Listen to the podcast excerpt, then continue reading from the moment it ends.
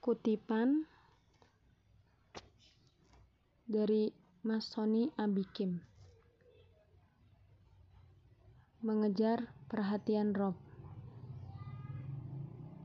Seandainya engkau tahu betapa cepatnya orang melupakanmu setelah kematianmu, maka engkau tidak akan sudi mencari keriduan seorang pun selain keriduan Allah. Maka, jangan kau habiskan waktumu untuk mempesona manusia. Kejarlah perhatian rohmu dengan amal-amal soleh selama di dunia.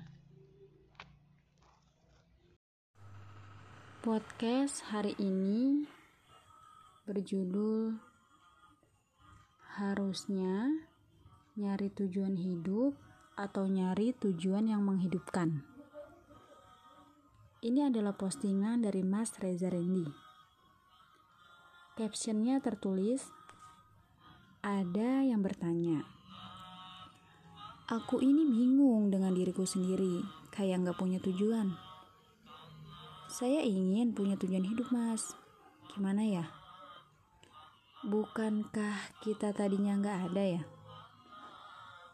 Bukankah yang tadinya nggak ada terus jadi ada, maka yang seharusnya dicari adalah tujuan yang menciptakan. Tapi kenapa yang diciptakan malah nyari tujuan sendiri? Postingan ini menjadikan diriku bermuhasabah. Benar juga ya. Kita diciptakannya Allah oleh Allah pasti Allah itu mempunyai tujuan. Tapi kenapa ketika kita hidup di dunia malah kita sibuk mencari tujuan hidup kita?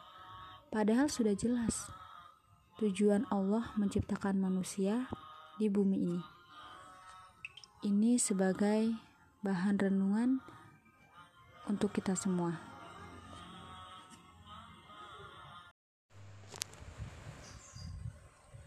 Pencarian cinta. Di bawah langit malam, aku kehilangan cahaya siang. Di bawah terik siang, aku kehilangan sejuknya pagi. Di bawah langit pagi, aku kehilangan kehangatan. Lalu apa yang diharapkan jika cinta itu datang lalu hilang? Aku mencari cinta pada malam apabila gelap gulita kutemukan bintang dan rembulan yang mengakhiriku dengan penderitaan. Lalu aku mencari cinta pada siang saat matahari terang. Ketemukan teriknya cahaya, namun panasnya mengakhiriku dengan luka. Ternyata aku lupa ada cinta yang menungguku cukup lama. Dari lembaran-lembaran dahulu yang abadi tak dimakan waktu. Aku buka dengan tangan gemetar, dengan mata berlinang. Penyesalan menghampiriku dengan tenang. Ini akhir dari sebuah pencarian. Aku tak ingin lagi kehilangan. Bila terjadi lagi padaku, akan kutempuh jalan berliku walau berdarah kakiku. Karena cintamu adalah abadi yang tak mungkin kutinggal pergi. Karena cintamu karena cinta Allah adalah sejati yang harus kujaga dalam lubuk hati. Sekian, semoga bermanfaat.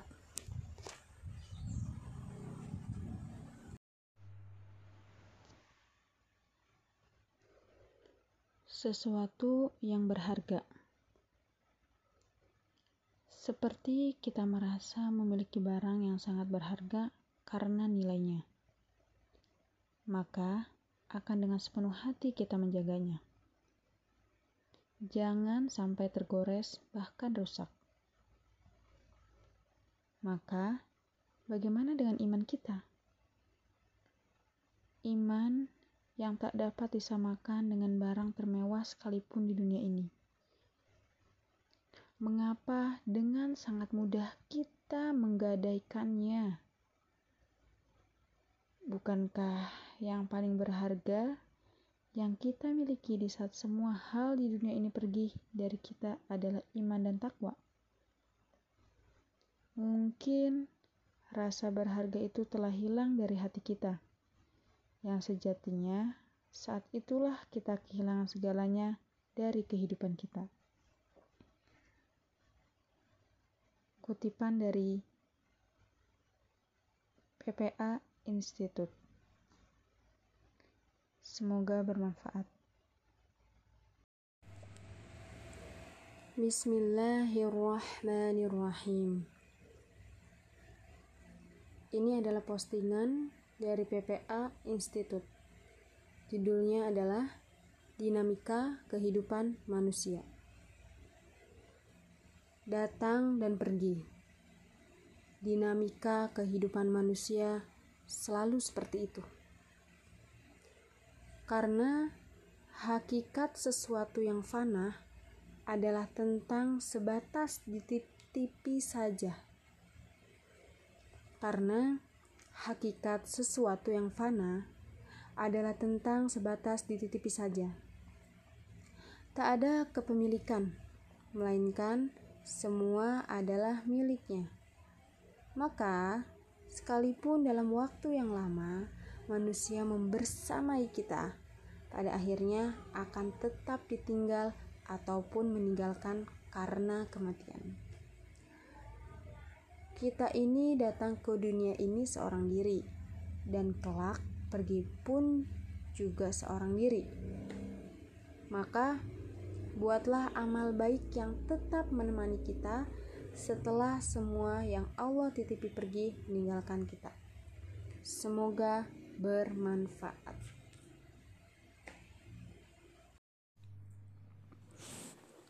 Bismillahirrahmanirrahim.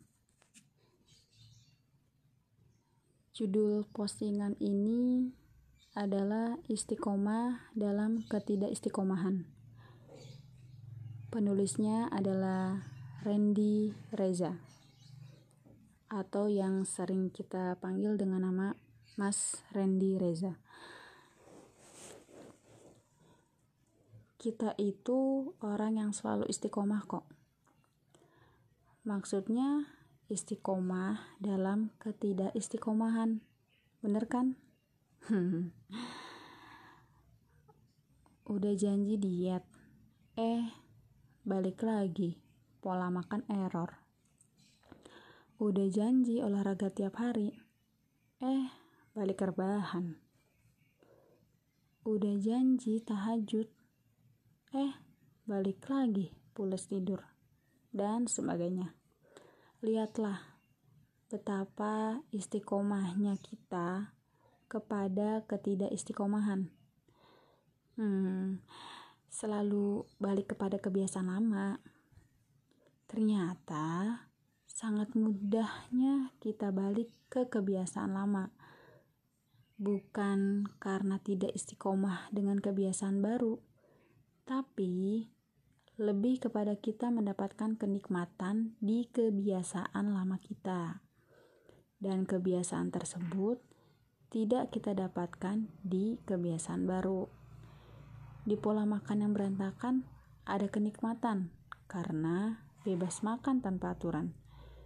Jadi kaum rebahan sambil scrolling medsos ada kenikmatan. Memilih lanjut tidur dibandingkan tahajud juga ada kenikmatan. Dan lain-lain. Jadi, salah satu yang membuat kita bisa istiqomah itu salah satunya adalah adanya kenikmatan.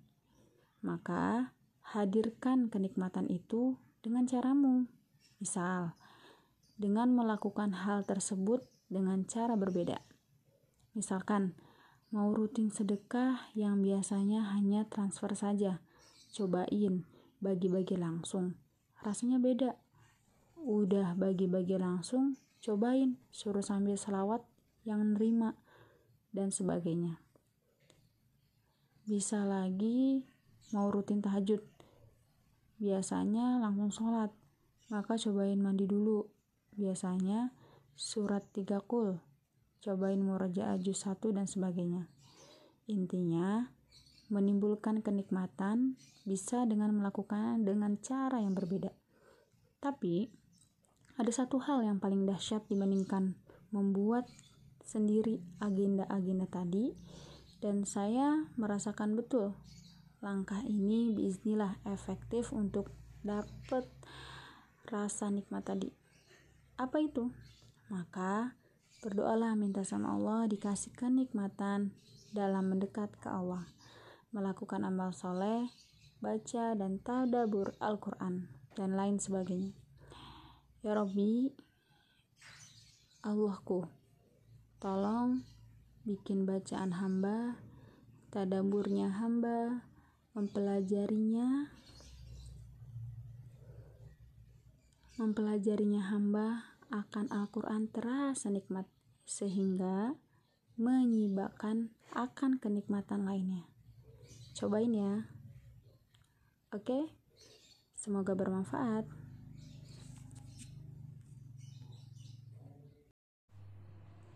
Bismillahirrahmanirrahim.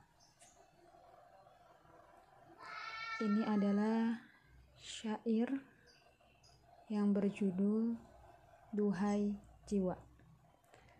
Syair ini dibacakan oleh Mas Sonia Bikim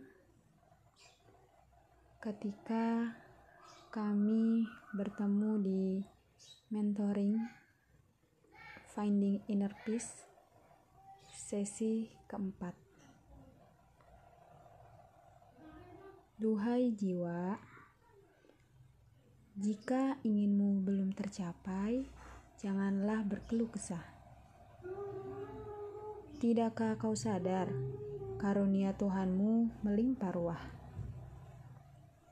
Duhai jiwa, jika harapanmu belum terpenuhi juga, maka mungkin dalam keterlambatan itu justru terletak segala yang kau damba.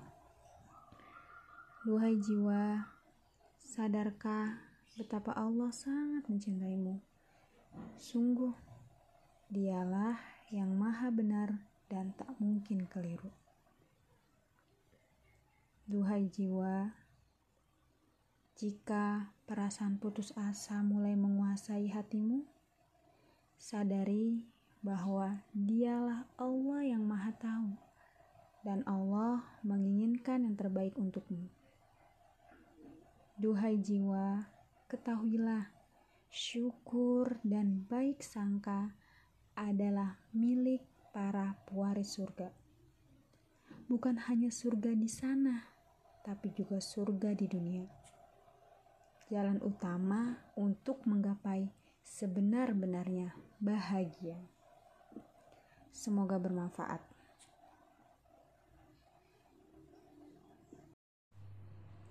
Bismillahirrahmanirrahim.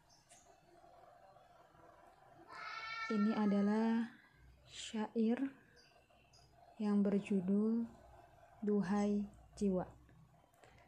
Syair ini dibacakan oleh Mas Sonia Bikim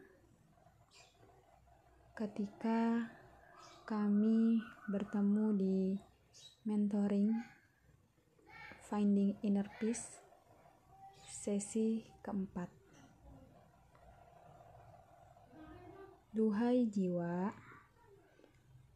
jika inginmu belum tercapai, janganlah berkeluh kesah Tidakkah kau sadar karunia Tuhanmu melimpah ruah? Duhai jiwa, jika harapanmu belum terpenuhi juga, maka mungkin dalam keterlambatan itu justru terletak segala yang kau damba. Duhai jiwa, sadarkah betapa Allah sangat mencintaimu? Sungguh, Dialah yang maha benar dan tak mungkin keliru. Duhai jiwa, jika perasaan putus asa mulai menguasai hatimu, sadari bahwa Dialah Allah yang Maha Tahu, dan Allah menginginkan yang terbaik untukmu. Duhai jiwa, ketahuilah syukur dan baik sangka adalah milik para pewaris surga. Bukan hanya surga di sana, tapi juga surga di dunia. Jalan utama untuk menggapai sebenar-benarnya bahagia. Semoga bermanfaat.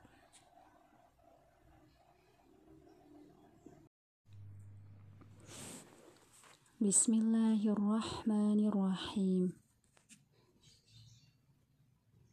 Judul postingan ini adalah istiqomah dalam ketidakistiqomahan. Penulisnya adalah Randy Reza atau yang sering kita panggil dengan nama Mas Randy Reza. Kita itu orang yang selalu istiqomah kok. Maksudnya istiqomah dalam ketidakistiqomahan. Bener kan? Udah janji diet. Eh, balik lagi. Pola makan error. Udah janji olahraga tiap hari. Eh, balik rebahan. Udah janji tahajud. Eh, balik lagi pules tidur. Dan sebagainya lihatlah betapa istiqomahnya kita kepada ketidakistiqomahan. Hmm, selalu balik kepada kebiasaan lama.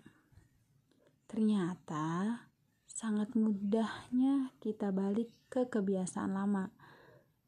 Bukan karena tidak istiqomah dengan kebiasaan baru, tapi lebih kepada kita mendapatkan kenikmatan di kebiasaan lama kita. Dan kebiasaan tersebut tidak kita dapatkan di kebiasaan baru.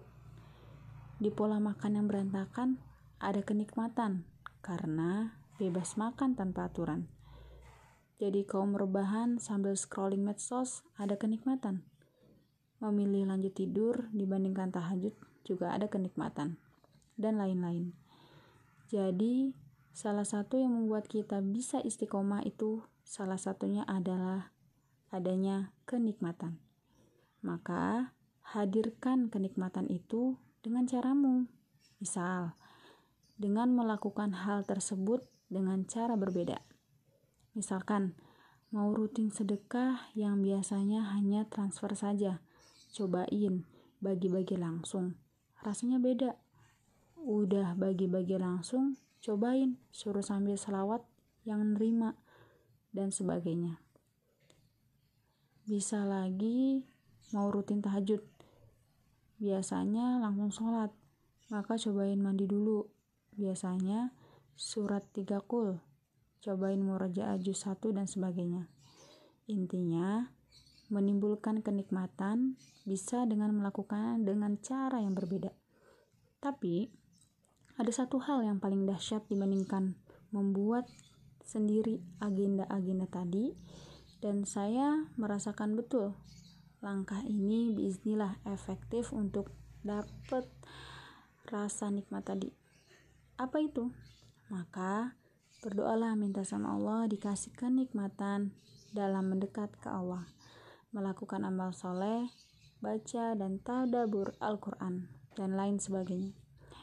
Ya Robbi, Allahku, tolong bikin bacaan hamba, tadaburnya hamba, mempelajarinya,